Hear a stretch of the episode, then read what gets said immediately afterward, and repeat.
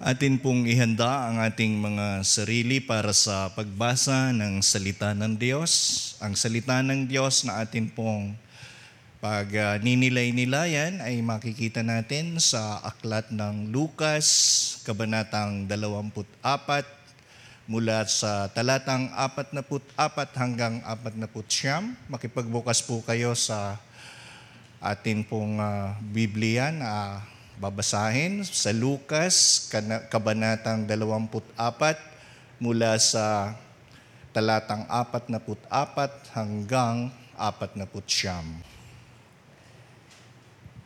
Pagkatapos ay sinabi niya sa kanila, ito ang tinutukoy ko nang sabihin ko sa inyo noong kasakasama pa ninyo ako, dapat matupad ang lahat ng nasusulat tungkol sa akin sa kautusan ni Moises, sa aklat ng mga propeta at sa aklat ng mga awit.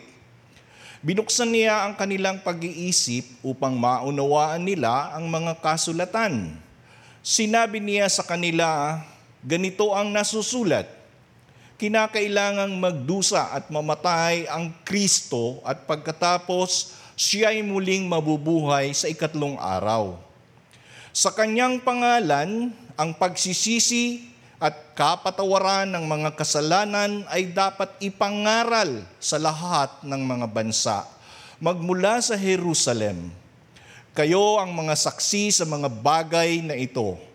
Tandaan ninyo, isusugo ko sa inyo ang ipinangako ng aking Ama, kaya't huwag kayong aalis sa Jerusalem hanggat hindi kayo napagkakalooban ng kapangyarihang mula sa langit. Pagpalain tayo ng Panginoon sa pagkabasa ng kanyang salita. Tayo pong lahat ay makakaupo na. Muli magandang umaga sa ating lahat. Oh.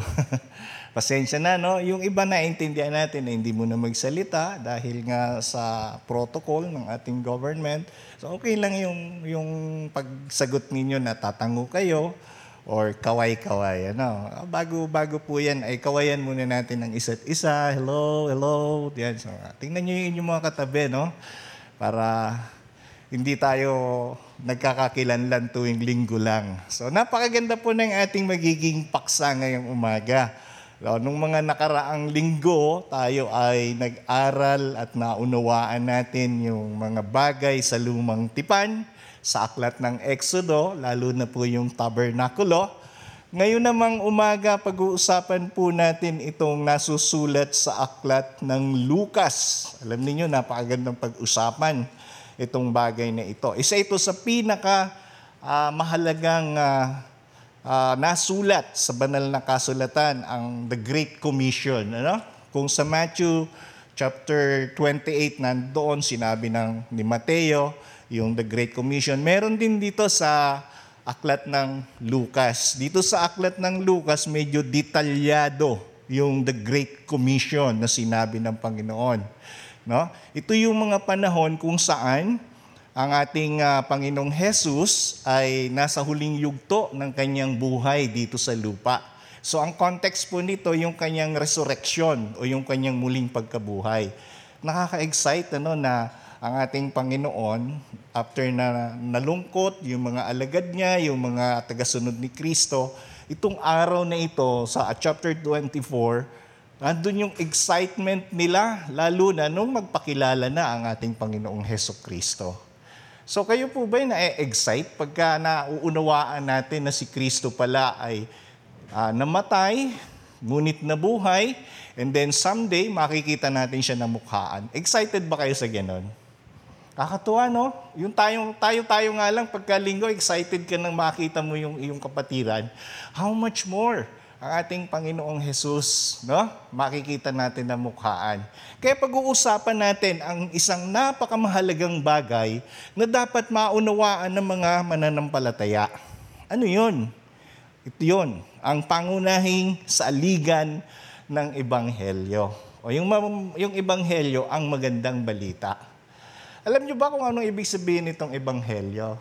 Yung, yung original po na magandang balita or sa English ay gospel or good news Alam nyo ba ang ibig sabihin niya noong panahong iyon? Ang ibig sabihin po ng Ebanghelyo, may isang uh, nakakatuwa at isang napakagandang mga pangungusap na mauunawaan ng mga tao. Kaya Ebanghelyo, no? Ibig sabihin, good news. Okay? So hindi mahirap maintindihan yung Ebanghelyo. At yung Ebanghelyong ito, walang ibang tinutukoy sa banal na kasulatan kundi si Kristo. Eh bakit nga naman naging maganda? Kasi alam mong namatay pagkatapos nabuhay na muli. Walang ganong pangyayari sa buong mundo mula noong unang panahon hanggang sa kasalukuyan yung ganong sitwasyon na namatay tapos mababalitaan mo nabuhay ulit, no? And in fact, meron pang mga may mga sitwasyon pa na pinipigilan yung ebanghelyo. Alam niyo ba nang, ma, nang mabuhay na muli ang Panginoon, yung mga leaders na na hindi naniniwala sa kanya, nung hindi nila makita ng nila yung bangkay ng Panginoon, pinalalabas nila na ang Panginoon daw ay ninakaw ng mga alagad. Itinatago yung katotohanan. So, ang katotohanan hindi po maitatago, no? Para yung singaw na kahit anong pilit mong itago o takpan, sisingaw at sisingaw pa rin. So ganun po yung tagpo sa panahon na ang ating Panginoong Hesus ay muling nabuhay. Kaya lang, ano ba yon? Ano ba ang pinakamagandang kahulugan nito sa ating ngayon? So, pag-usapan natin sa pasimula. Dito po sa ating pinag-uusapan, sa, sa aklat ng Lucas, sa kabanatang 24, by the way, si Lucas po pala ay hindi kasama sa labindalawang apostol. Ano? Siya ay uh, isang manggagamot batay sa pag-aaral ng mga nag-aaral ng Biblia o yung mga tinatawag na Bible scholar. Si Lucas ay isang manggagamot, kaya ang tawag sa kanya nung araw ay Dr. Lucas. Kung mapapansin ninyo, sa paraan ng kanyang pagkakasulat, napaka-detalyado niya magsulat. Isang, parang isang tao na napaka-intelihente. Parang si Pablo, napaka-intelihente, halatang nag-aral, at makikita natin yung kanyang mga pagkakasulat, no? yung kanyang pamamaraan, ay napaka-detalyado batay sa mga nakita niya tungkol sa ating Panginoong Heso Kristo. Okay? Kaya makikita natin, maging ang aklat ng mga gawa, si Lucas din ang ginamit ng Panginoon para ito maisulat upang ipakita kung ano yung mga nasaksihan niya na gawa ng Panginoong Jesus pagkatapos gawa ng banal na Espiritu sa mga tagasunod ni Kristo. Malinaw po. So sana kilala natin yung mga sumulat sa Biblia, no? Dahil maiintindihan natin kung ano yung mga bagay na gusto nilang ipahiwatig o ipaunawa sa mga bumabasa. Okay, so alam na natin kung sino si Lucas. Sa ating panimula, meron po kayong mga bulletin, tingnan nyo rin po. Bago bumalik si Kristo sa Ama, yung tinatawag na ascension, ay kanyang binuksan ang kaisipan ng kanyang mga disipulo kung paano niya maisa, naisakatuparan ang kautusan. Take note, no? Kung paano na ipamuhay, na isagawa o nasunod ni Jesus yung mga nasulat sa, ka, sa kautusan o sa lumang tipan, no? At dito makikita rin natin ang mga nasulat sa mga awit, nagawa rin ng Panginoon. Siya yung mga tinutukoy doon. At ang sinabi ng mga propeta tungkol sa Kanya, lalo na sa first five books. Naunawaan ninyo nung nakaraan sa Exodo kung bakit natin pinag-usapan yung tabernakulo ang pinaka-implikasyon po noon sa atin ay ipahayag kung sino ang, uh, ang Panginoong Jesus na sinisimbolo noong panahon sa lumang tipan at sa atin kung sino siya ngayon. No? So napakaganda. Gayon man, siya ay nagbigay ng panghuling mensahe sa kanyang mga apostol tungkol sa mga katotohanan ng kanyang kamatayan, ng kanyang muling pagkabuhay, at ang mensahe ng pagsisisi sa kasalanan. Dito tayo nagkakaroon ng maraming problema mga kapatid. No? Maraming mga tao, hindi lang mga born again Christian, hindi lang mga katulad natin mananampalataya, ang naniniwala sa kasaysayan ng ating Panginoong Jesus naniniwala sa kanyang kasaysayan. Pero pag pinag-usapan ang pagsisisi sa kasalanan, ang laki-laking question mark. Marami mga tao hindi tinatanggap yung ganong kautusan o yung ganong mga aral. Kaya, tingnan natin dito sa ating paksa. Bukod pa riyan, ang mga apostol mismo ng ating Panginoong Hesus ay marapat na ipangaral ang pagsisisi para sa kapatawaran ng kasalanan sa kanyang pangalan. No? Mahalaga po na sa mga sa mga tagasunod ni Kristo, ang pangangaral ng pagsisisi sa kasalanan ay dapat hindi isinis isang tabi. Kailangan bahagi yan sa pagkakilala natin kay Kristo. Bakit? Dahil ito po ang dahilan. Sa kanyang pangalan, na tanging pangalan, pangalan lamang ni Heso Kristo, ang mensahe ng Ebanghelyo ay dapat ikalat o ipahayag sa bawat mga bansa, na nangangahulugang mga tribo, lingwahe at mga grupo ng mga mamamayan. Nung sinabi po ito ni Mateo sa kanyang sulat, sinabi niya na humayo kayo at gawin ninyong alagad ko ang lahat ng mga bansa. Yung bansa pong tinutukoy dito, hindi yung geopolitical na tinatawag, hindi yung Pilipinas, kundi ang tawag po sa original yung ethnic. No? Pag sinabing ethnic nation, ang tinutukoy mga tao o lingwahe, bawat lingwahe ng mga tao. Ibig sabihin, sa lahat ng tao. No? Kailangan ipangaral ang pag ang uh, pagsunod kay Jesus, ang pananampalataya kay Jesus kasama ang pagsisisi sa kasalanan sa lahat ng uri ng tao. Kaya huwag kayong magtaka ngayon kung bakit tayo mga Pilipino bahagi sa naging plano ng Diyos. Masaya ba kayong ganon? O tango-tango lang na tayo pala ay bahagi sa plano ng Diyos. Dahil sinabi niya, Go and make disciple of all nation. Humayo kayo at gawin ninyong alagad ko ang lahat ng mga bansa. Lahat ng mga bansa, including the people of the Philippines. Meron pang foreigner dito. Kaya kahit yung mga nasa bundok, yung mga taong namumuhay pa nung, uh, yung mga sa tribo-tribo, meron pa rito sa Pilipinas niyan eh In fact, may, may nakita pa ako niyan sa Mindanao, yung mga Badyaw, no? yung mga tribo ng mga Aita, no? yung mga kalahi namin, Ita.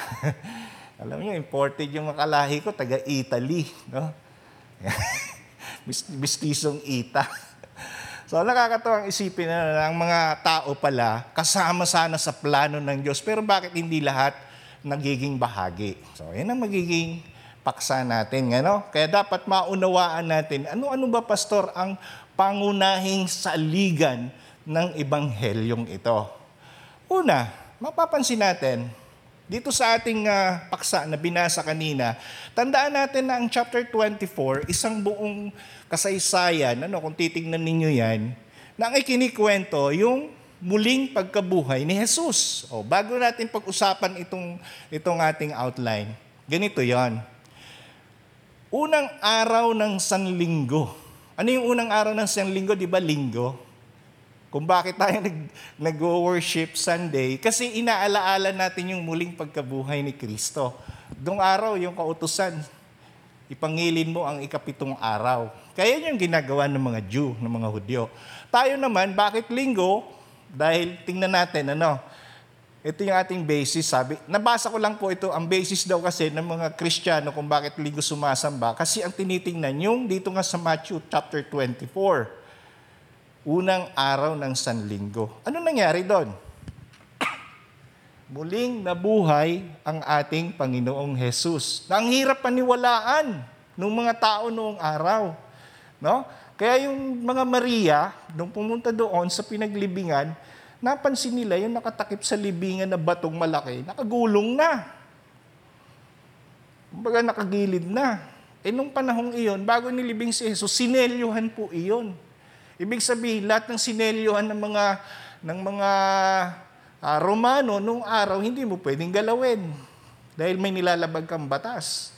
Pero nung panahong iyon, nung dumating sila, nakagulong na yung baton, tanong nila, sinong gumulong ng batong iyon? At tapos pumasok sila sa loob, ang nakita na lang nila yung mga telang pinambalot sa bangkay. Tapos may nakita pa silang dalawang anghel. No? Naalala ninyo yung pinag-usapan natin sa luklukan ng awa? May dalawang kerubim. Simbolo yon. Pagdating sa panahon ng ating Panginoong Jesus, nakita may dalawang anghel. At yung dalawang anghel nagsasalita.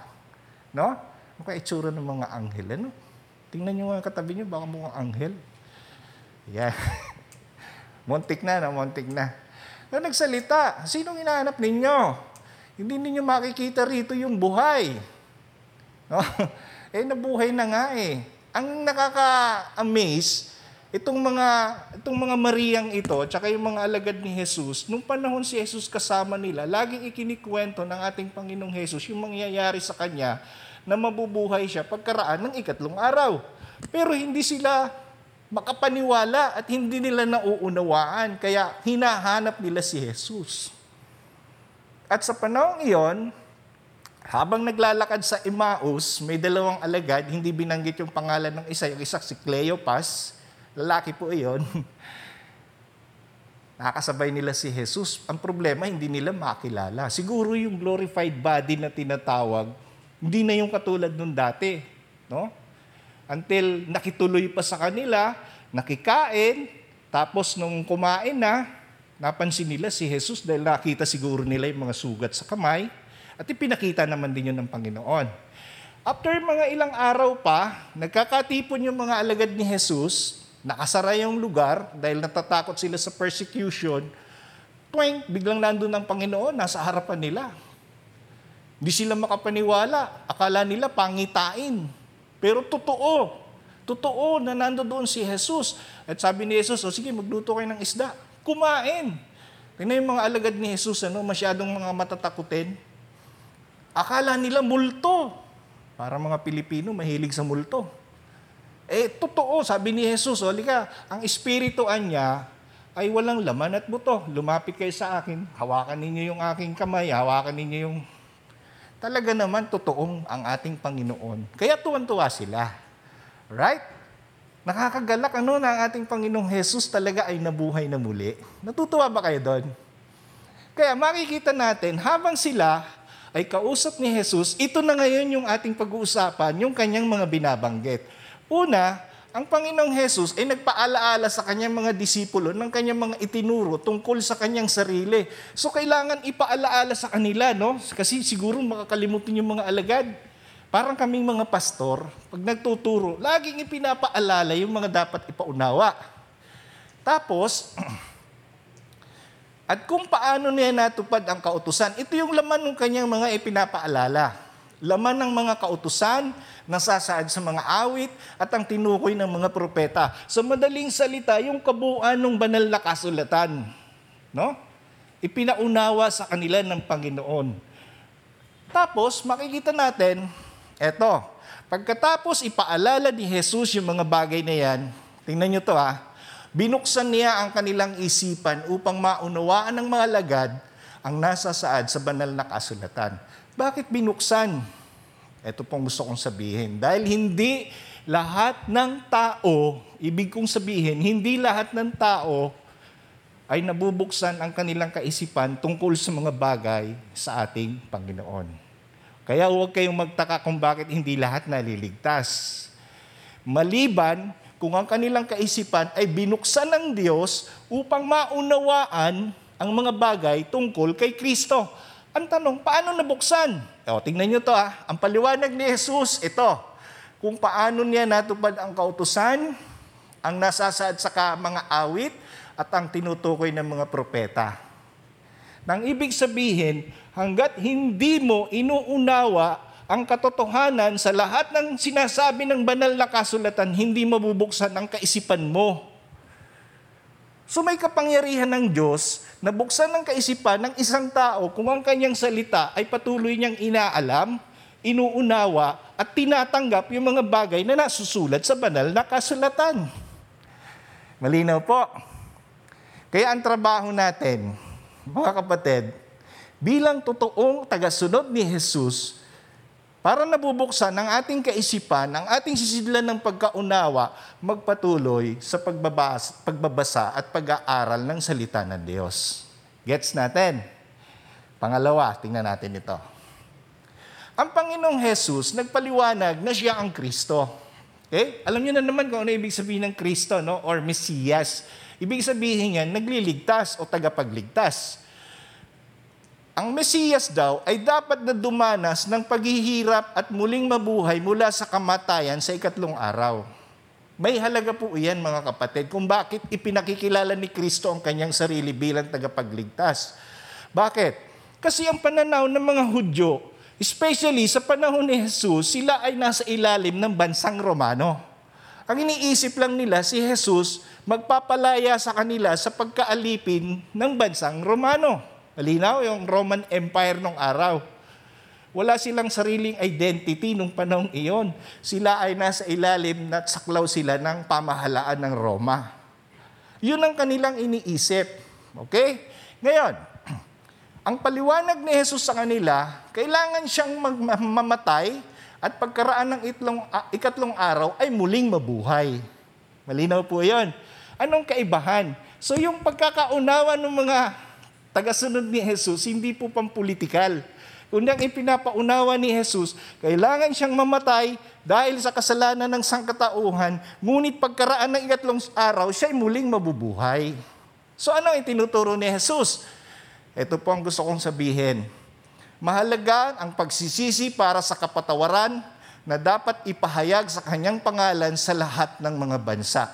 Dahil kung hindi po natin ito mauunawaan, yung kamatayan at muling pagkabuhay ni Jesus, mawawalang saysay na ang tao ay dapat palang magsisi sa kasalanan, na dapat pala ng tao malaman niya siya makasalanan at dapat tumalikod sa kanyang pamumuhay bilang isang taong makasalanan. Malinaw. So yan po yung mga ginawa ni Jesus nung siya ay nagpapaalaala na ako ang Kristo. Ang Kristo, hindi lang tagapagligtas, mamamatay muna siya at muling mabubuhay. At doon lamang ninyo maiintindihan ang kahulugan ng ginawa ng Kristo. Kaya nga po tandaan natin ito mga kapatid. Hindi tayo naligtas batay sa sarili nating kagustuhan. Hindi ka naligtas dahil cute ka sa paningin ng Diyos. No? Hindi ka naligtas dahil gumagawa ka ng mabuti. Hindi ka rin naligtas batay sa iyong relihiyon. Kailangan mong tandaan ang paliwanag ng Kristo mismo, ng nang, nang, nang namatay sa krus at muling nabuhay, na dapat mong tandaan na siya namatay alang-alang sa iyo. Na bawat tao na sumasampalataya kay Kristo, ang pinagbayaran ng kanyang kamatayan ay ang ating kasalanan, hindi yung hindi yung sarili niyang kasalanan dahil walang kasalanan ng Kristo. Kundi tayong mga makasalanan, binayaran ni Jesus, ngunit ang pinakamagandang balita, bakit ito naging saligan, ay muli siyang nabuhay pagkaraan ng ikatlong araw. Ano sa iyo yun? Titingnan natin mamaya yan. Pangatlo, eto na, sa side naman ng mga disciple. Ang disipulo, ibig sabihin yan, mga tagasunod o mga uh, estudyante ng ating Panginoon. Okay. Ang mga disipulo ay nasaksihan ang paghihirap. Ano pa? Diba nakita ng mga disciple kung paano siya ipinako sa krus, kung paano siya nilatigo, kung paano siya sinampal, paano siya dinuraan, lahat ng pahirap. Na witness nila. Tataka nga ako, wala man lang naawa. Ito pa, na-witness din nila nung siya ipako sa krus yung kanyang kamatayan. At ang pinakamaganda, nung siya ay muling nabuhay. Na? Kaya hindi sila makapaniwala. Pero sinabi na ng Panginoon paulit-ulit, hindi sila makapaniwala. Nung kaharap na nila, hindi pa nila nakikilala. Nakakatakot sa atin, ano? Baka mamaya, kasama na natin si Kristo, nasa langit na tayo, hindi mo pa kilala. Ay, sino ba si Jesus Christ? Nagtatanong ka pa, no? Kung sino-sino tinuturo mo, katabi mo na pala. Yan ang problema, no? Pagka hindi mo inaalam. Kaya ito mga kapatid, Nung ma-witness nila ito, sila ay tinawag ni Kristo bilang mga saksi. Yan. Di ba meron ngayon mga nagpupunta sa bahay-bahay? Tapos, oh, babasahin. Pwede bang magbigay ka ng donasyon? Hindi po yun ah. Hindi po yung mga saksing yun ang tinutukoy ni Kristo. Kung ang ibig sabihin ng saksi, witness. Parang sa court, sa korte, pagka ikaw ay uh, uh, first-hand witness, pinakikinggan ng korte. Pero pag second-hand, hearsay na ang ano yan, yung, yung sinasabi mo, hearsay na lang. Sinabi kasi anya ni ganito, ni ganyan. Hindi yan pakikinggan ng korte. Dito, ang witness identify na nakita nila, nasaksihan, nakita nila yung paghihirap, kamatayan at muling pagkabuhay. Kung gusto nyo pang dagdagan, ang mga tagasunod ni Jesus, yung mga witness niya nung araw, nahawakan siya nasaksihan siya, nakasama siya, at patuloy na namumuhay kasama ni Kristo. Di ba? Naalala ninyo yung 12 disciples. Ganun po yan. Ngayon, nung sinabi ni Kristo na sila ang mga magiging saksi noon, tiniyak ni Kristo sa kanila ang pangako ng Ama. The affirmation, ano? Pangako ng Ama at ng banal na Espiritu na ang banal na Espiritong ito ang siyang nagbigay kapangyarihan sa kanila. Naalala ninyo sa John chapter 14, tingnan nyo na lang doon, tinawag niya pang patnubay ang banal na Espiritu. Ngayon, sino yung mga witness na yan? Yung mga witness na yan, buhay pa yan. Tingnan ninyo katabi nyo. Yan. Ibig sabihin, marami pang nabubuhay. Nung panahon ni Jesus, wala na yung mga witness na yon. Siyempre, mga tao din yun namatay na.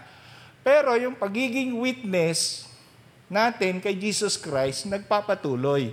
At ano yung mga pinaniniwalaan natin? Walang iba kundi yung mga naging karanasan at mga ginawa ni Kristo nung siya ay nandito sa lupa. Paano mo malalaman? Mula sa salita ng Diyos. At kung malalaman mo na anong gagawin mo, natural, ipapangaral mo. Sa ilalim ng ano? Sa kapangyarihan ng banal na Espiritu. Malinaw po.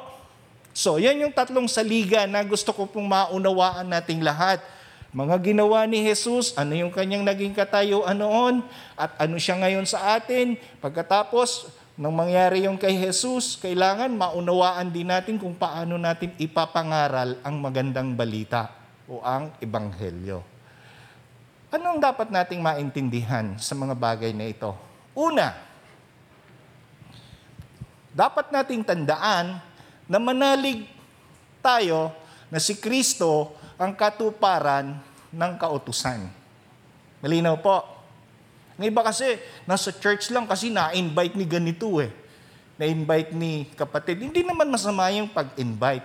Pero gusto ko pong sabihin sa ating lahat kung bakit tayo tinatawag na mananampalataya, sapagkat nananalig tayo, take note, hindi po naniniwala lang, kundi nananalig tayo na si Kristo ang katuparan ng kautusan. Sinabi niya rin yan sa mga Hudyo. Naghanap kayo ng kaligtasan. Tingnan ninyo ang sinasabi ng banal na kasulatan. Ako ang tinutukoy doon. Sinabi ng Panginoon yan sa, sa aklat ng Juan. No? Ito pa ang dapat nating panaligan. Siya rin yung mga nasulat sa aklat ng mga awit. Okay, nang ibig sabihin noon, may mga ilang mga portions sa aklat ng mga awit ang tinutukoy si Kristo. Siya rin ang tinukoy ng mga propeta. Naalala ninyo yung pinag-aralan natin ng mga nakaraan sa panahon ni Moses. At ang pinakamaganda pa diyan, kung gusto ninyong dagdagan, napakalinaw sa Isaiah chapter 53, nasulat doon kung ano ang magiging kalagayan ni Jesus sa pagtubos ng ating mga kasalanan. Yung kanyang paghihirap na dadaanan. Malinaw po. Kailangan ganoon natin pinanghahawakan, pinaninindigan. No? Pagka ganyan ang paninindigan mo, hindi na kayo malilito. Hindi kayo maaagaw ng mga maling paniniwala. Marapat nating pag-aralan ang lumang tipan na kasama ang ating pananaw sa bagong tipan na kung paanong si Kristo ang pinakasentro o buod sa plano ng Diyos. Kaya mga kapatid, kung binabasa natin ang ating banal na kasulatan, tingnan natin ang kalagayan natin bilang mananampalataya at anong kaugnayan niyan sa lumang tipan. Alam nyo ba na ang lumang tipan ay anino ng mga magaganap dito sa bagong tipan? Malinaw po. Kumbaga sa kanila noon, hindi nila malubusang nauunawaan. Maraming mga simbolikal, maraming mga seremonya. Pero sa atin ngayon, napakalinaw dahil lahat ng mga nasulat, no, sa, sa lumang tipan, ipinapaalaala doon na mangyayari iyan sa panahon ng ating Panginoong Heso Kristo. Hanggang sa ating kasalukuyang panahon, hindi po nabago ang plano at ang panukala ng Diyos sa lahat ng tao. Malinaw po sa atin. Kaya nga, kung ikaw ay nagsasabing Kristiyano, kapatid, dapat yung pananampalataya mo kay Kristo ay nakabatay ayon sa banal na kasulatan, hindi sa tradisyon, at hindi rin sa mga maling paniniwala. Ito ah, bakit maraming Kristiyano malambot? Hindi ko ibig sabihin na malambot na yung gumalaw, malambot. Nakakita na kayo ng ganun. Lalaki siya pero ang lambot niyang gumalaw. Ang lambot niyang sumayaw. Ibig ko sabihin malambot, totoo naman, sumasampalataya.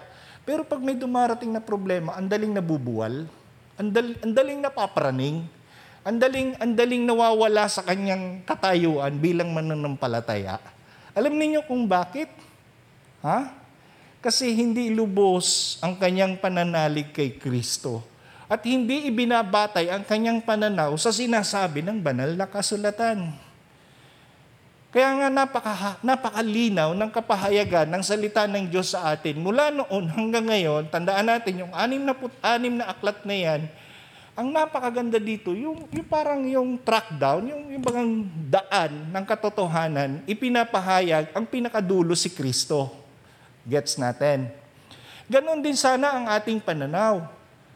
Na kung may problema ka, kung ano yung plano mo, kung ano yung direksyon na tinatahak mo, dapat ibinabatay mo sa direksyon ng Diyos. Kung ayaw mo masira ang utak mo. Kung ayaw mo masira ang magandang plano mo sa buhay. Dahil kahit anong ganda ng plano mo sa buhay, kung hindi naman yan ayon sa sinasabi ng salita ng Diyos, kapatid, nagsasayang ka lang ng panahon. Malinaw po sa atin. Kaya nga, itong ating pinag-uusapan, mahalaga yung salitang pananalig. No? Kung wala lang kayong mga face mask, sasabihin ko sa inyo, banggitin mo nga yung salitang pananalig. Kasi yung salitang pananalig, ikaw ay naniniwala at nagtitiwala. Dalawang salita na magkasama, hindi pwedeng hiwalay. Naniniwala at nagtitiwala sa mga bagay na ginagawa at ipinapahayag ng banal na kasulatan at ng kasaysayan ng ating Panginoong Heso Kristo. Malinaw po. Kaya nga ang sabi ng Biblia, dapat ang maging pundasyon ng ating buhay ay walang iba kundi ang ating Panginoong Jesus. Pag tinutukso ka, alalahanin mo si Jesus, tinukso din. Pagka ikaw ay dumaraan sa problema, alalahanin mo si Jesus na problema din. Pag ikaw ay nagugutom at wala kang makain, alalahanin mo si Jesus 40 days and 40 nights, hindi kumain, ni uminom. Malinaw po. Kasi kung hindi magiging ganun, batayan ng ating pananampalataya, kapatid, kawawa ka lang. Grabe ang expectation mo sa tao. Minsan aasa ka sa mga pastor. Eh minsan ang mga pastor po, hindi lahat kayang alagaan. Kaya kung ganun pa man, na mahalaga pala sa atin ang sinasabi ng banal na kasulatan at wala namang ibang ipinapahayag ito kundi ang ating Panginoong Hesus, panghawakan mo na. Panghawakan mo na. Hindi ka mabubuwal. Yan ang pangako sa atin ng Panginoon eh. Ang daming mga katuturo ang mali ngayon. Ay, doon sa church nila, ang ganda, ang dami nila. Ay, ang sinasabi nila, ganito. Tapos pupulot sa ganitong verse, pupulot sa ganitong verse, pupulot sa ganitong verse, dinudugtong-dugtong, tapos eto na ang kahulugan. Kapatid, ang napansin ko sa mga ganun, hindi po ako namimintas at hindi ko po sinisiraan yung ibang church. Ano po ko, nagpapasalamat na sana kilala din nila si Jesus. Pero ang ibig ko pong sabihin, kung ikaw mismo sa sarili mo, magbabatay ka dun sa iba at hindi siya mismo salita ng Diyos, may problema ka. Ang tinitingnan mo yung church, hindi si Kristo. Malinaw. Kaya tayo dito, uulit-ulitin ko, mahalaga sa atin na pag-usapan natin palagi ang banal na salita ng Diyos. Kahit anong circumstansya ang dumating sa buhay mo, pagbabad ka sa salita ng Diyos, matututo kang manindigan. Hindi ako magko-compromise kasi ito ang sinasabi ng salita ng Diyos. Malinaw po. Pangalawa, ang pangunahing saligan ng Ebanghelyo, o take note ha, inulit, ay ang paghihirap at, at ang kamatayan at ang muling pagkabuhay ng Panginoon na mahalagang marapat nating ipinapahayag. Higit pa riyan ay ipangaral natin ang, ah, ito na ha, kasi marami sa atin, alam naman natin na si Kristo na naghirap, namatay at muling nabuhay. Pero itong nakakaligtaan na maraming church. Higit pa riyan ay ipangaral natin ang pagsisisi sa kasalanan sa pangalan ni Heso Kristo sa lahat ng uri ng mga mamamayan, lalo na po sa ating komunidad. Eh bakit pastor na kailangan pang pag-usapan yung pagsisisi ng kasalanan? Eh namatay na naman si Jesus dahil sa ating mga kasalanan. Ito po, on my observation, ang daming mga Kristiyano sa panahon natin ngayon, ang dali-daling magkompromiso sa kasalanan. Gets nyo? Ito na lang. Nasita ng traffic police, oy, illegal parking. Pasensya na, boss. O, eto na yung lisensya ko. May nakaipit, 50 pesos. Patay tayo dyan. Ang sagot dyan, ang, ang, ang ano dyan, suhol. Sabi ng Biblia, huwag kang manunuhol. Ang dali mag-compromise. Eh, may malaking pagkakapirahan, pero under the table. O, doon na lang ako. Madali pala doon eh. Hindi ko po nilalahat, ano, pero tanungin nyo sarili nyo kung sa paanong mga bagay tayo nagko-compromise. Sa panonood na lang ng TV, Minsan masyado tayong natatangay ng kwento ng mga teleserye, yung mga, yung mga teenager na in love sa isa't isa, tapos sila na ngayon, jowa na daw sila, hanggang sila in, in the long run, sila pa rin. Kapatid, script lang yon. Gets natin? Script lang yon. Yung iba masyadong bilib sa probinsyano. Ay, nako. Script lang yun. Saka naman nakakita na ganun kalaking pulis, ang dami-daming tinatalong sindikato. Script lang yun. Ibig sabihin, hindi masama manood or mag-observe mag, mag, uh, ka ng mga kwento ng mga ganun. Kasi art nga yan eh. To the point na hindi yun ang dapat mong paniwalaan sa buhay mo. Ang iba kasi natatangay ng ganun eh. Na in love lang, gusto lahat. Ang tingin sa mundo, ano na, puro na lang, purong, puro rosas ang tingin sa mundo. Hindi niya alam na yung rosas may tinik. Malinaw po?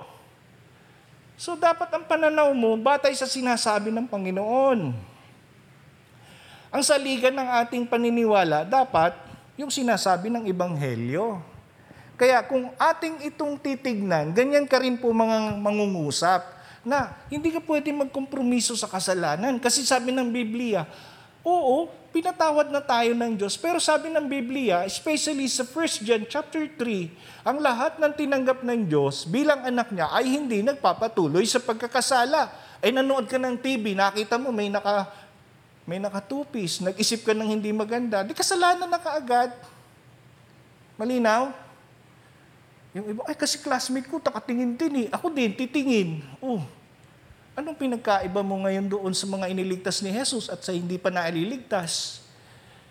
Yan po ang ibig kong sabihin, mga kapatid, hindi perfection ang hinihingi sa atin ng Diyos, kundi yung kung ano yung pananaw natin sa sinasabi niya. Malinaw? Kasi kung malinaw sa atin kung ano yung pananaw ng Panginoon at itong sinasabi niya sa atin na kailangan nating sundin, hindi ka matatangay ng mga ganong mga pananaw ng ibang tao. Kaya kung ano yung pananaw mo sa buhay mo, siyang magiging implikasyon sa iyong pagkatao. Kung ang salita ng Diyos, ang nagiging pananaw mo, yung paggawa ng kasalanan, matatakot ka ngayon. Matututo kang rumespeto sa Diyos. Malinaw po. May mangupit ng piso, hindi mo magagawa. Eh bakit? Sabi ng Panginoon, huwag kang magnanakaw, huwag kang mangungupit. So ganun lang po kasimple yun. Minsan yung iba ginagawang critical eh. Ay, mauunawaan naman ako ng Diyos kasi naman, ah, ano naman, by grace naman tayo. Hindi ganun. Oo, we are under God's grace. Pero hindi ibig sabihin, itinotolerate ng Diyos ang mali. To the point na bawat pagkakamali ng tao may consequence. O, tingnan nyo na lang yung buhay natin. Bakit tayo naghihirap ngayon? Una, magboboto tayo ng mga leader na walang takot sa Diyos. Hmm, pagkatapos, pag yung leader nag-implement na ng mga batas, yung mga batas na hindi maayon sa kagustuhan mo, kalaban mo na yung leader. Consequence ng iyong pagpili mo yun eh. Kaya mga kapatid, kung gusto natin maging tama yung ating pananaw sa buhay, pagyamanin natin ang pagkakilala kay Kristo. Amen? Yan po yun. So, ipahayag natin si Kristo na kasama yung pagsisisi sa kasalanan. Alam ninyo, on my own, naging napakalambot din ng aking paniniwala no, nung una. Aminin ko na. Pero ngayon naging malinaw na sa akin, tama pala na dapat kung anong sinasabi ng Biblia, yun ang aking dapat gawin. Bakit? Itong panahon na ako po ay nagmi-mission, siyempre may mga churches na tayong naitanim, Ang isang church na lang po, no, yung aking sasabihin, yung nandoon tayo, nandoon ako sa daet, nagturo naman ako ng tungkol kay Kristo. And in fact, may mga na-save. Ang problema, ganito, yung pagkakilala nila kay Kristo, may kababawan. Hindi masyadong na-emphasize yung pagsisisi sa kasalanan. So, ano nangyari? Eto na. Yung mga tao nasa loob nga ng church, tuwan-tuwa ako, maraming umaaten, pero nagko-compromise naman sa mga mali. Malinaw po? So, bakit tayo umaatin sa church? Bakit tayo nagbabasa ng Biblia? Bakit tayo nakikinig ng mensahe? Para ma-realize mo na ang buhay pala natin sa mundo ay kasama natin si Kristo. At hindi dapat itinotolerate ang anumang mali. Malinaw po. Kaya yung iba, aatin ako sa church para mabawasan yung kasalanan ko. Mali. Unang-una, hindi tayo binawasan ni Kristo ng kasalanan. Ang sabi po ng Biblia, inalis ang ating kasalanan. At kung inalis ni Jesus, bakit? Gugustuhin natin na mamuhay muli sa kadiliman o mamuhay sa kasalanan. Malinaw po sa atin. So kayo na po ang makakasagot kung hanggang saan kayo nagko-compromise, kung hanggang paano ninyo nilalabanan yung mga ganyang bagay, sasabihin ko po sa inyo, anumang mali na ginagawa natin may consequence, may bunga, may kahihinatnan, at hindi mo pakikinabangan ang bunga niyan. So, period po ah. Period. Ngayon, preach Christ with repentance. Pangatlo, eto pa. Manalig tayo sa mga aral ng kanyang mga apostol tungkol sa kung sino si Heso Kristo. Take note, yung kanyang mga apostol nung mangaral, hindi pinakikilala yung sarili. Right? Kasi darating ang panahon, ang bawat isa sa atin, hindi naman sa pagpapastor, pero magtuturo ng salita ng Diyos. Okay? Tuloy natin. At tayo'y sumunod sa kung paano nila pinatototohanan ang tungkol sa kanyang kamatayan at muling pagkabuhay. So hindi inaalis ng mga apostol yung tungkol kay Kristo. Lalo na kung ano ang dahilan kung bakit si Jesus ay namatay sa krus. Hindi yan inaalis ng mga apostol. Kaya sa atin, magtiwala na tayo ay gagabayan ng Espiritu Santo sa ilalim ng kanyang kapangyarihan. Ang ibig sabihin, kung ang Panginoon noon nag-establish o nagtatag ng mga witnesses o mga saksi sa panahon natin ngayon, hindi nababago yon. At kung inaalam mo at ina-allowed mo ang sarili mo na ikaw ay witness o saksi ng Panginoon, panindigan po natin ang mga aral na sinabi rin ng mga apostol. Na ano? Na si Kristo namatay dahil sa ating mga kasalanan, ngunit pagkaraan ng ikatlong araw ay muling nabuhay. Ang dami mga witness ngayon, minsan ang napapapurihan sarili. Alam niyo ba yan? Kaya minsan, yung mga iba, nung una, gandang-ganda sila sa mensahe.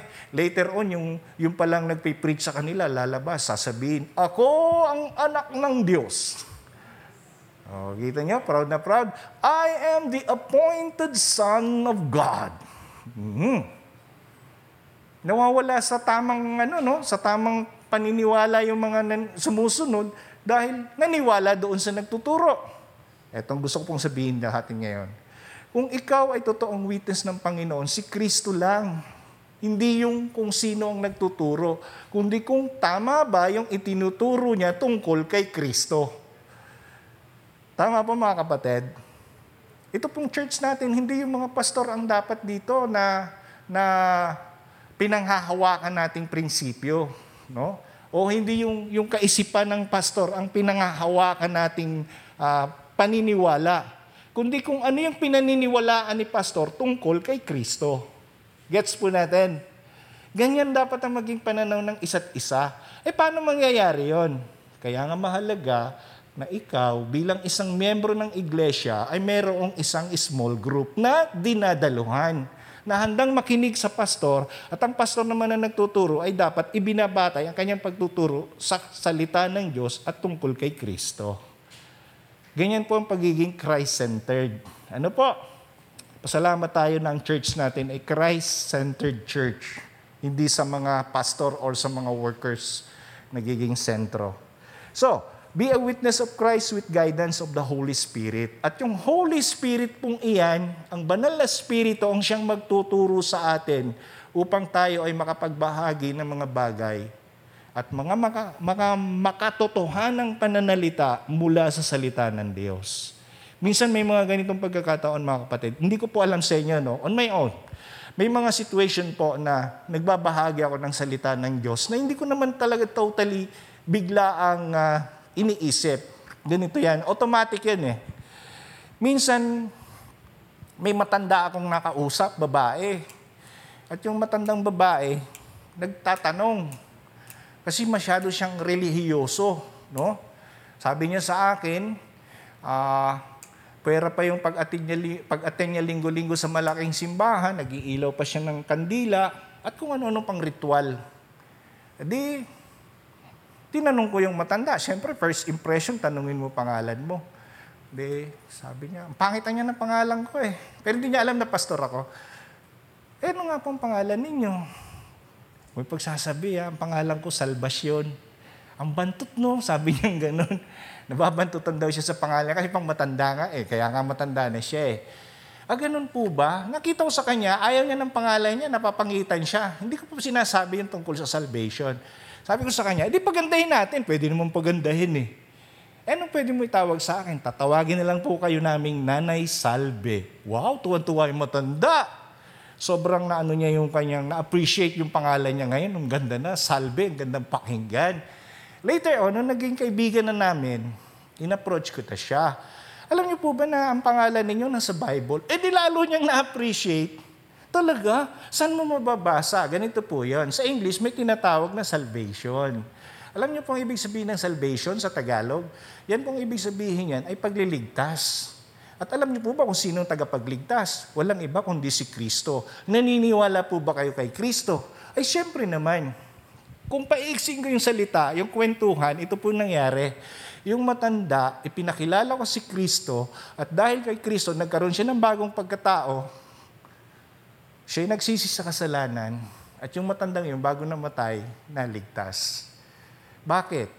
Nagsisi sa kasalanan at sumasampalataya kay Kristo, hindi na siya bumalik sa mali niyang paniniwala at nanindigan siya na siya ay tunay na anak ng Diyos.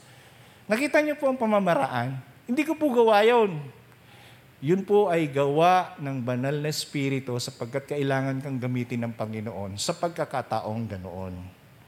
Ang dami-dami, no? May mga lumapit ang pangalan, Rosario. Paano may papaliwanag yung salitang Rosario? Ay, ang ganda ng pangalan nyo. Gawin na lang natin maiksi. Gawin natin Ate Rose. Oh, pag kinuwento mo kasi yung ganito po yung rosaryo, eh, yung mga may butones, naku, mag-aargumento kayo. Pero pagandahin mo, subukan, hindi ka naman nang bobole. Sabi mo kasama ko, nang bobola ka niya, Pastor, hindi ah, pinaiksi ko lang, tsaka in English ko lang. Pero ganun pa man, kung paano mo makukuha ang puso ng tao, hindi po natin gawain.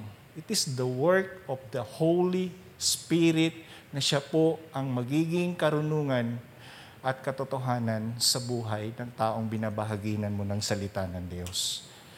Ang tanong, willing ba kayo na maging witness ni Christ? Kaway-kaway. Kaway-kaway, uy, yung iba nahihiya. Of course, kung totoo kang na kay Kristo, gugustuhin mo na ikaw ay maging saksi ni Kristo. Hindi saksi ni Jehovah, no? saksi ni Kristo. So, Pangapat, malapit na tayo matapos. Sa ating paksa ngayon, mahalagang humanap tayo ng paraan. Ito na nga yung sinasabi ko eh. Sabi ng BDO, we find ways. No? Para tayong BDO. Kilala ninyo kung sino BDO? Yung aking kaibigan noon na elder? Si Kuya Ben. Sabi ang pangalan niya, Bithoven Delpino Olaes. Sabi niya sa security ng bangko noon, hindi mo ba alam akin tong bangkong ito? Talaga, sir. Ipakita niya yung ID niya. O, tingnan mo yung ID ko, BDO. Tuwan-tuwa ako kay Elder Ben that time, no? Ngayon, ito. Sa ating paksa ngayon, mahalagang humanap tayo ng paraan na mailantad ang mensahe sa pamamagitan ng internet. Oo, lahat naman siguro dito marunong na mag-internet. Ano? Ako hindi ako marunong yan nung araw. Pero dahil kailangan, Hmm, natuto na lang baga. Yan. Pangalawa, kung wala kayong internet, o mag-invite kayo ng mga manggagawa ng Panginoon sa inyong mga bahay. Pastor, ko yung bahay namin, squatter lang kami. Hello! Kaya mo na sa langit, may mansyon ka, pero ngayon pa lang, ha, kahit ganyan pa lang ang bahay mo, ipagamit mo na. Anong malay mo, doon sa lugar nyo, daming adik. No? May mga pastor na dating adik. Di-invite mo at mag-share doon. Okay? So, ibig sabihin, hindi tayo hindi tayo nasasaklawan. Pag gusto mong magpagamit, gagamitin ka ng Lord. Ato ba? Himukin natin ang isa't isa na magsimula tayo ng ating mga growth groups, online, o simulan natin sa ating bahay ang pagbuo ng church. Again, ang church po hindi lang nandito sa building. Ang church, ikaw. Okay? Ang bawat isa sa atin ay gagamitin ng Diyos as an opportunity or a channel of blessing a channel of His Word sa mga taong hindi pa siya lubusang kilala. Ang tanong, gusto mo ba? Ang iba kasi ayaw eh. Gusto lang, nandito lang sa church nagpe-fellowship, okay. But later on, practicein mo yung ganito, no? Madali lang magbahagi ng salita ng Diyos. Pinag-uusapan po namin sa area kung paano sila magsisimula, eh wala kaming budget. Sabi ko, ang budget, ipaubaya mo sa Diyos. Ang mahalaga, handa ka ba at handa ba yung lugar mo? Willing sila. So ang gagawin namin, first meeting, kailangan magkaroon kami ng barbecue meeting. Ano iba barbecue namin? Paa ng manok. Oh. Paa lang ng manok, magkakasundo na kami dyan. Kaya ang daming paraan mga kapatid. Sabi ng iba pastor, walang paraan. Maraming paraan. Pag ayaw, maraming dahilan. Oh. Saan ka doon? Maraming dahilan o maraming paraan? Ikaw ang nakakaalam niyan. Tandaan natin, sabi ng Panginoon, mag-ipon tayo ng kayamanan sa langit.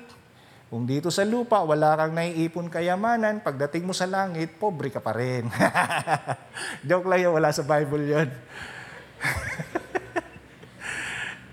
Pero the point na gusto ko lang sabihin sa ating lahat, alam nyo, ang pag invest sa kalangitan, hindi po pera-pera ang pinag-uusapan. Ang mahalaga dito, yung buhay mo.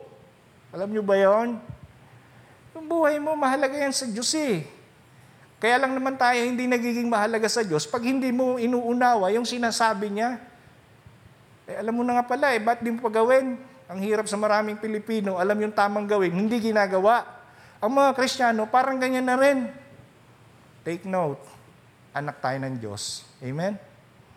Parang ang lungkot nyo naman, anak tayo ng Diyos. Tamo naman dyan. At kung anak ka ng Diyos, be part. Maging parte ka, no? maging productive ka bilang anak ng Diyos.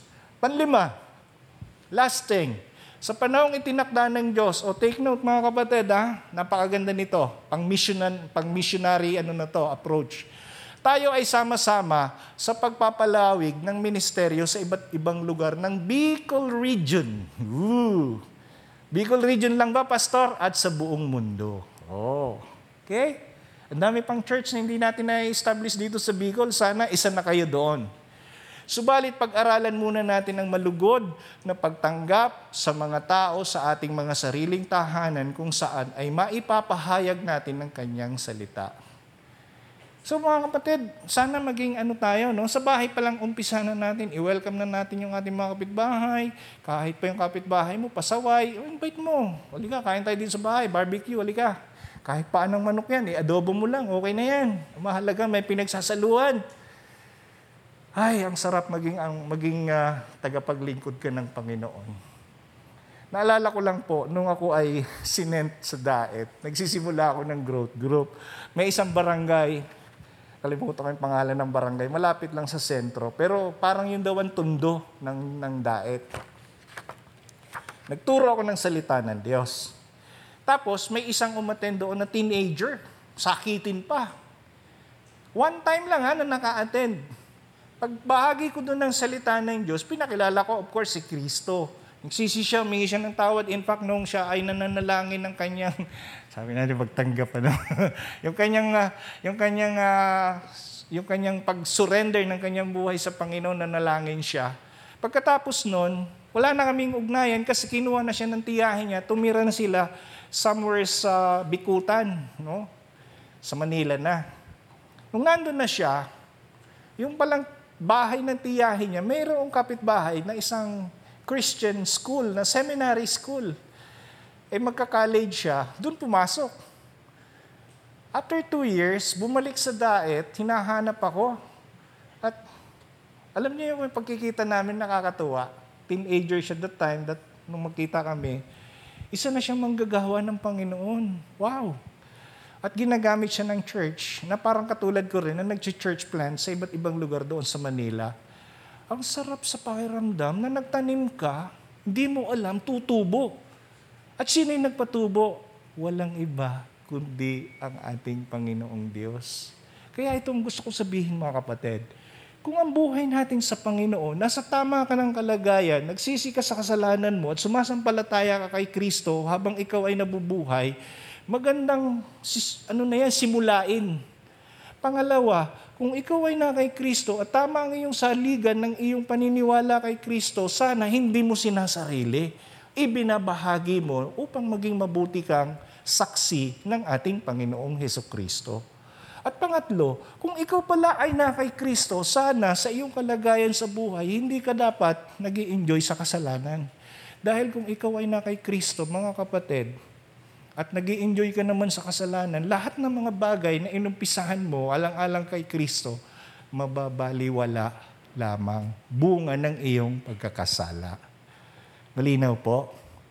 So, kung ang saligan ng ating paniniwala sa Ebanghelyo ay matibay, malakas, matatag, lalo na ang ating Panginoong Heso Kristo ang siyang nagpapahayag nito, kung ganoon, isa kang tunay na anak ng Diyos. Isa kang tunay na tao na mumuhay sa kalooban ng Diyos. At isa kang totoong Kristiyano sa panahon natin ngayon. So bakit po namin sinasabi ito, kaming mga pastor? Kasi ayaw natin na someday haharap tayo sa Panginoon, lahat ng mga daliri ninyo nakaturo sa aming mga pastor. Ay kasi anya, kasalanan ni Pastor Arnel, hindi sinabi sa amin na dapat pala kami magsisi ng kasalanan eh. Gets natin? Kasalanan po ng mga pastor ng GCF, hindi pala nila sinabi na dapat pala kami nagbabahagi, nagwi-witness, kala namin sila lang eh. Ayaw namin ng ganun. Sabihin namin, sasabihin niyo pa, eh kasalanan nila pastor, eh sabi kasi, tanggapin lang si Kristo, sapat na, wala nang panan, pagsisisi sa kasalanan eh.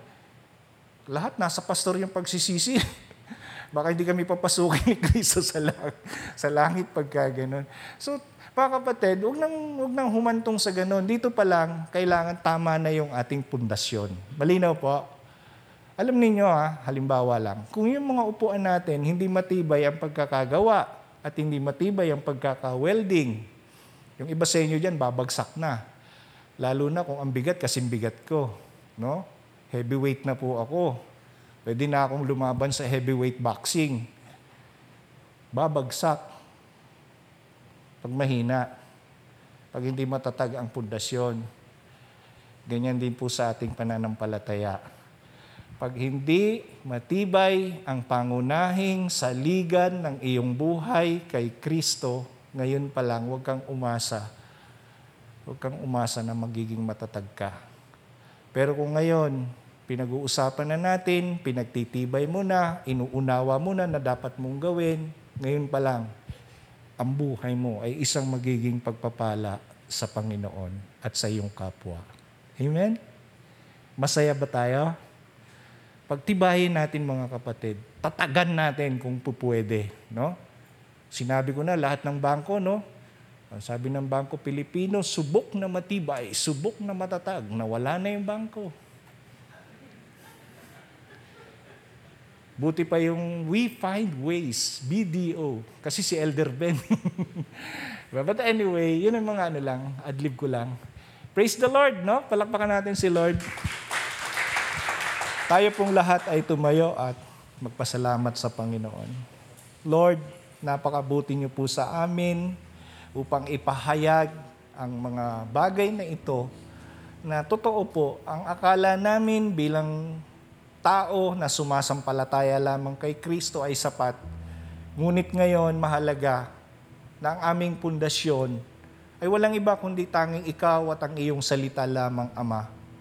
At salamat po sa iyong anak na si Kristo na siyang nagpahayag ng buong kaliwanagan at katotohanan sa aming buhay na kami pala ay hindi lamang upang maligtas sa iyong mga panukala, na kami pala ay hindi lamang upang tawaging mga Kristiyano o anak mo, hindi lamang pala ganoon, Panginoon, nagsisimula at natatapos, kundi ngayon nauunawaan namin na kami pala ay mayroong mahalagang pinanghahawakan, pinaninindigan, at pinagtitibay sa aming buhay. Sapagkat tunay po na kami bilang mga anak mo, na nagsisi ng aming mga kasalanan at namumuhay, sumasampalataya kay Kristo, kaming mga anak mo ay na may napakamahalagang layunin para sa aming kapwa at sa aming pagsunod sa inyong dakilang kalooban. Kaya ngayon itinataas ko po sa iyo mga kapatid kong ito, Ama. Patuloy po na sila'y bigyan nyo ng katapangan ng pagpapahayag ng iyong salita. Panghawakan ang mga katotohanan mula sa iyong mga salita at patuloy na pagtibayin at panindigan ang kanilang personal na relasyon kay Kristo upang nang sa gayon ang buhay namin ito ay maging daluyan ng inyong mga pagpapala, hindi lamang sa aming tahanan, kundi sa lahat ng mga tao na nangangailangan ng inyong kaligtasan. Gamitin niyo, Panginoon, ang bawat isa sa amin. Pag-alabin mo sa aming mga puso ang mga katotohanan ito na hindi namin kayang itago at hindi namin kayang uh, uh, ilihim, kundi ang lahat ng ito ay ipahayag namin sa kaliwanagan ng inyong ibanghelyo. Kaya't patuloy nawa na pagpalain niyo po ang iglesyang ito, ang lahat ng aming mga pangangailangan mula sa pinansyal na aspeto hanggang sa aming kalagayan ng kalusugan, maging sa aming mga relasyon sa aming kapwa, upang aming maisakatuparan ang inyong dakilang layunin o Diyos. At salamat po sapagkat ang pangunahing saligan ng Ebanghelyo ay aming lubusang naunawaan. Ito ang susi upang nang sa gayon patuloy po kaming uh, maging matatag bilang mga anak mo. At maraming salamat po, Panginoon.